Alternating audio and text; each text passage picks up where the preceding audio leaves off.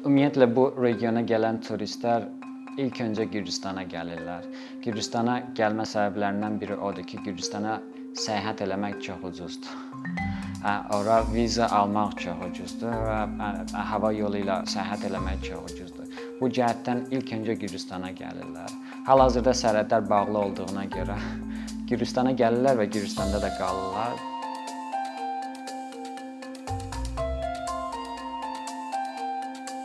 Təbii olaraq Azərbaycan neft ölkəsi kimi iqtisadiyyatı şaxələndirmək məqsədi var. Turizmdə bu şaxələndirmə strategiyasının, siyasətinin bir hissəsidir. Turizmin ən əhəmiyyətli tərəfi odur ki, həm dünyada, həm Azərbaycanda ən sürətlə artım göstərən iqtisadiyyatın bir hissəsidir. Bu cəhətdən turizmə, yəni ki, qeyri-neft, digər qeyri-neft sektoru sahələrlə müqayisədə daha az investisiya yatırmaq olur və daha az investisiya ilə daha yüksək artım əldə etmək olur. Bu cəhətdən, yəni ki, turizm həm dünyada, həm də Azərbaycanda ən əsas, yəni ki, məsələlərdən biridir ki, iqtisadiyyatı şaxələndirək və ölkə bu cəhətdən rifah halını daha da artıra bilsin. Bütün bunları nəzərə alaraq, məsəl üçün Azərbaycanda ümumi olaraq turizm sənayesinə və gələn turistlərin ümumi profilinə nəzər yetirə bilərik.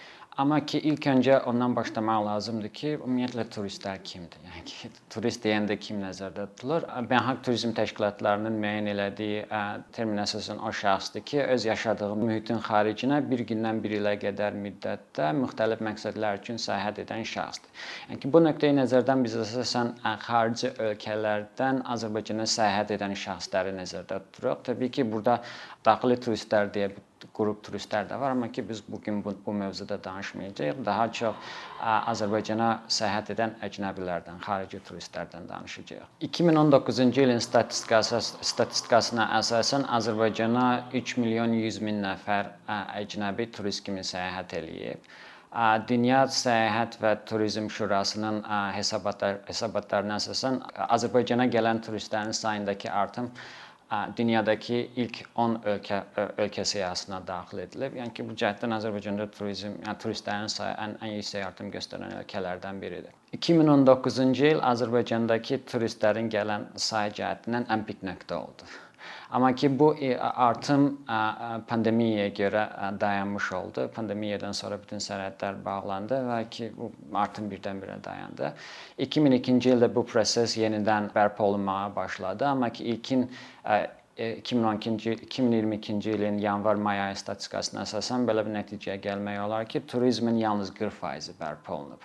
Amma ki burada da belə bir nəticə var ki, məsəl üçün 2019-cu ilin statistikasına əsasən ölkəyə səyahət edən xarici turistlərin 60% ölkəyə dəmir yolu ilə səyahət ediblər. Hal-hazırda ölkəyə səyahət yalnız hava yolu ilə mümkündür. Quru sərhədləri bağlı olduğuna görə Gürcüstan və Rusiya ilə dəmir yolları e, qapalı fəaliyyət göstərmədiyinə görə həmin nəqliyyat növü ilə ölkəyə gələn turistlərin sayı sıfıra bərabərdir. Ona görə belə bir ümumi nəticəyə gəlmək olar ki, quru sərhədlər də açıldıqdan sonra ölkəyə gələn turistlərin sayı daha da çoxalacaq və bu bərpa prosesini daha da sürətləndir sürətləndirəcək. Bu sadəcə statistik məlumatlardır. Bəs yəni reallıq necədir?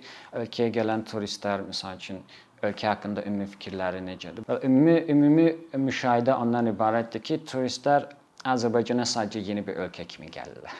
Yəni ki, hər hansı bir xüsusi fəaliyyət növünün fəaliyyət növünün arxasınca gəlmirlər. Məsəl üçün buna misal ola misal olaraq göstərə bilərək ki, məsəl üçün kulinariya turizmi var, şərab turizmi var, təbiət turizmi var, məsəl üçün şəhərdə mədəni irsi görmək. Yəni ki, bunlar üçün Azərbaycan sadəcə yeni bir, yəni ki, ölkədir. Burada xüsusi bir maraq ölkəyə gəldikdən sonra görürük ki, artıq turistlər fikirləşməyə başlayırlar ki, a, mən Azərbaycan üçün çox az vaxt ayırmışam. Burada görməli daha çox yerlər var.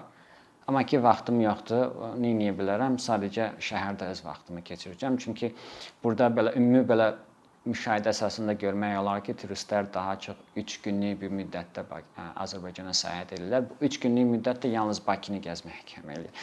Bakıdan kənara çıxa bilmirlər. Sadəcə Bakını görürlər, daha sonra çıxıb getməli olurlar. Onu yalnız ölkəyə gəldikdən sonra anlaya bilirlər ki, 3 gün bəs eləmir. Daha çox vaxt keçirməli idim burada. Bunların təkrar ikinci dəfə bura gəlmə ehtimalı da çox azdır. Burada yəni ki, səyahət müddətlərini artırılması artırmaq da çox belə, yəni ki, çətindir. Artıq bunlar biletlərini alıblar. Yəni ki, bunu nəzərə alaraq demək olar ki, turistlərin Azərbaycanla bağlı fikirləri də çox primitivdir. Yəni ki, sadəcə həm bir ölkədir. Çox çox primitiv və ümumiyyətlə belə baxanda görürük ki, çox yanlış yanlış yəni ki, fikirlərdir. Bura gəldikdən sonra da adətən ölkə haqqında soruşduqları suallar da çox primitiv suallar suallardır. Məsəl üçün onlara çox təcrübələndirilən məsələlərdən biri odur ki, şəhər niyə bu qədər təmizdir? Yəni Onlar çox təəccüblənirlər. Deyirlər ki, Avropanın ən ən böyük şəhərləri belə Bakı qədər təmiz deyil. Yəni ki, buranı şərq yaxın şərqdəki şərq şəhərlərindən biri kimi zənn eləyirlər ki, amma gəlirlər şəhər şəhərdə Avropa memarlığı ilə tanış olurlar. Görürlər ki, yəni ki, belə deyilmiş və yaxud da ki, ölkəni daha çox dinin təsiri altında olan cəmiyyətin yaşadığı bir yer kimi təsəvvür edirlər. Hətta belə bir sual yaranır ki, siz müsəlman ölkəsisiz, qadınlar niyə başlarını örtmürlər? Yəni ki, çox primitiv suallar. Bunların hamısı gəlir ona dayanır ki, ölkə barədə məlumatlı deyillər. Primitiv, yəni ki, yeni ölkə kimi, yəni ki, gedək ora, baxaq görək orada bizi nə gözləyir. yəni ki, belə bir bura Digər turistləri maraqlandıran əsas əsas məsələlərdən biri də ki, Ermənistana əlaqələndirir. Çünki əvvəl qeyd etdiyim kimi ölkəyə gələn əhali, turist əhalinin 60% demək olar ki, dəmir yoluna üstünlük verir və bu dəmir yolu ilə ölkəyə gələn turistlərin əksəriyyəti də Gürcüstan, Tbilisidən Bakıya gecə qatarı vasitəsilə gəlir. Bu deməkdir ki, bu turistlər Azərbaycana gəlməmişdən artıq əvvəl Azərbaycana gəlməmişdən əvvəl həm Ermənistanda, həm də Gürcüstanda olublar. Orda artıq bu məsələnin mahiyyətinə varıblar ki, iki Ermənistan və Azərbaycan arasında münaqişə var. Bunlar arasında yaranan belə bir stereotip var ki, əgər Ermənistanda olmusunuzsa, Azərbaycana gələ bilməzsiniz. Onlarda belə bir qorxu, xof var. Ona görə bəzi turistlər, yəni ki, çox çəkincək şəkildə Azərbaycana gəlirlər. Azərbaycana gəlsələr belə etiraf eləmirlər ki, Ermənistanda olublar. Yəni ki, belə bir xof yaranır. Bəziləri buna görə hətta Azərbaycana səyahət eləmir ehtimalı. Yəni ki, bu cür məlumatlı hiss olunur ki, turistlər Azərbaycanla bağlı düzgün, yəni ki, həm həm məlumat almırlar, həm məsəl üçün dediyim kimi ilk əvvəl Gürcüstanda və Ermənistanda olarkən, yəni ki, düzgün məlumatlandırılmırlar. Yəni ki, bütün bunları nəzərə alaraq belə qənaətə gəlmək olur ki, məsəl üçün yəni ki, əkinçi özü də hal-hazırda yəni yerli dildə məzmun formalaşdırır. Məsəl üçün, nəinki burada təbii ki, bütün məsələləri dövlət qurumlarının üzərinə atmağa ehtiyac yoxdur. Azərbaycan Turizm Bürosu da agentlikdir. Burada həmçinin yəni, mənim kimi bələdçilər belə xarici dildə kontentlər formalaşdırmalıdır, düzgün məlumatlar ötürməlidir və bu məlumatları daimi olaraq yenilənməlidir. Yəni ki, ölkəyə gələn turist məlumatı xarici turistdən və ya xarici məzmun yaradan insanlardan deyil və ya da ki bizim qonşu ölkələrdən deyil, Azərbaycanlıların özlərindən birbaşa bu məlumatı alsınlar ki, onlarda daha dolğun fikirlər formalaşsın. Bu, bu bu məlumatlar da təbii ki, daimi olaraq yenilənməlidir. Əgər yenilənməsə belə yenə də məsəl üçün daha geri daha geri qalmış oluruq qonşu ölkələrlə əgər turizm üzrə yəni ki, rəqabət aparırıqsa. Ümumiyyətlə bu regiona gələn turistlər ilk öncə Gürcüstana gəlirlər. Gürcüstana gəlmə səbəb, səbəblərindən biri odur ki, Gürcüstana səyahət eləmək çox ucuzdur ora viza almaq çox ucuzdur və hava yolu ilə, yəni ki, səyahət eləmək çox ucuzdur. Bu cəhətdən ilk öncə Gürcüstana gəlirlər. Hal-hazırda sərhədlər bağlı olduğuna görə Gürcüstana gəlirlər və Gürcüstanda da qalırlar. Dəmir yolu, yəni ki, bu cəhətdən fikirləşirəm ki, Azərbaycana səyahət imkanları daha da genişləndirilməlidir və daha da rəqabətə dayanıqlı olmalıdır. Yəni, xüsusilə hava nəqliyyatı. Yəni, Azərbaycana gəlmək çox çox həm həm əlçatan olmalıdır, həm də ki, qiymət cəhətdən çox sərfəli olmalıdır ki, digər ölkələrlə rəqabətə dayana bilsin. Yəni ki, burada bəzi bəzi bəzi təbii ki, işləri görmək lazımdır ki, Azərbaycana gələn turistlərin sayında artım olsun və ya da ki, bu sənaye daha da inkişaf eləsin. Bundan əlavə də ki, təbii ki, bu bildiyim qədərlə turizm bürosu, turizm bürosu, turizm agentliyi və onların onlara tabe olan agentliklər turizm məkanlarındakı idarəçiliyin daha da yaxşılaşdırılması üçün fəaliyyət görürlər. Yəni ki, təbii ki, bu işləri daha da artırmaq lazımdır daha da sürətləndirmək lazımdır. Yəni bu bu işlərin nəticəsində ictimai məlumatlılıq daha çox olmalıdır. Yəni ki, onlar bu işləri görürlər, amma ki, o işlər daha sonra bələdçilərə və bizim kimi turistlərlə birbaşa münasibətdə olan insanlara çox rahat şəkildə çatmalıdırlar ki, bu münasibət bu münasibət qurarkən biz o məlumatları da onlara birbaşa çatdıra bilək. Mənim fikrimcə turizmin inkişaf elətdirilməsindəki ən böyük töhfə yəni ki, regionların inkişaf elətdirilməsi ilə bağlıdır. Çünki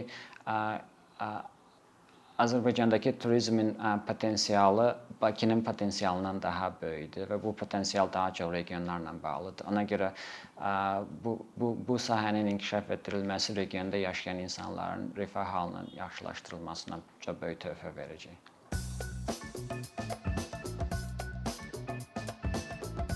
Bir neçə ildir ki, əkinçi olaraq azərbaycanlı izləyicilərin hər zaman faydalana biləcəyi keyfiyyətli və ən əsas ödənişsiz kontent hazırlamağa çalışırıq. İndiyədək təqdim etdiyimiz onlarla animasiya və yüzlərlə çəkilişlər tələbələrin, mütəxəssislərin, müəllimlərin və ümumiyyətlə yeni mövzulardan xəbərdar olmaq istəyən çox sayda insanın marağına səbəb olub. Bu illər ərzində hazırladığımız videolar təhsil, texnologiya, ictimai fəallıq, iqtisadiyyat, gender bərabərliyi, ətraf mühit, ifadə ifadə azadlığı, hüquq, demokratik inkişaf, mədəniyyət və digər mövzuları əhatə edib. Məqsədimiz çoxlu baxış gətirən deyil, çoxlu fayda gətirən videolar hazırlamaqdır. Amma bu düşündüyümüz qədər asan deyilmiş. Gördüyümüz iş kifayət qədər resurs, əmək və təbii ki, davamlılıq tələb edir. Bu səbəbdən Patreon platformasından istifadəyə başladıq. Əkinçinin Patreon hesabının populyarlaşmasına çox böyük ümidlərimiz və gözləntilərimiz var. Bəziləriniz Patreon haqqında ilk dəfə eşidirsiniz. Əslində çox sadə izahı olan bir platformadır.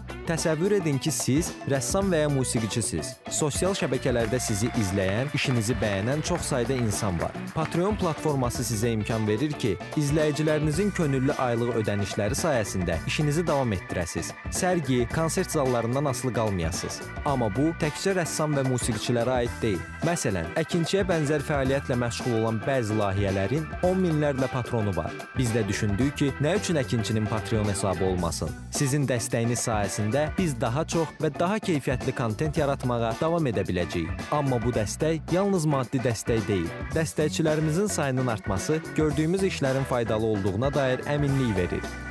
Patreon platformasından istifadə çox sadədir. Hesabınızı açırsınız, sizə uyğun dəstək növünü seçirsiniz və Patreon özü hər ayın ilk günü kartınızdan seçdiyiniz dəstək növünə uyğun ödəniş tutur. Bu qədər. Sonda onu demək istəyirik ki, dəstəkçilərin sırasına qoşulmaq istəyən, amma məhdud imkana görə bunu edə bilməyənlər narahat olmasın. Daha öncə dediyimiz kimi, bizim əsas məqsədimiz daha çox insanın hər zaman faydalana biləcəyi keyfiyyətli və ödənişsiz kontentin yaradılmasıdır.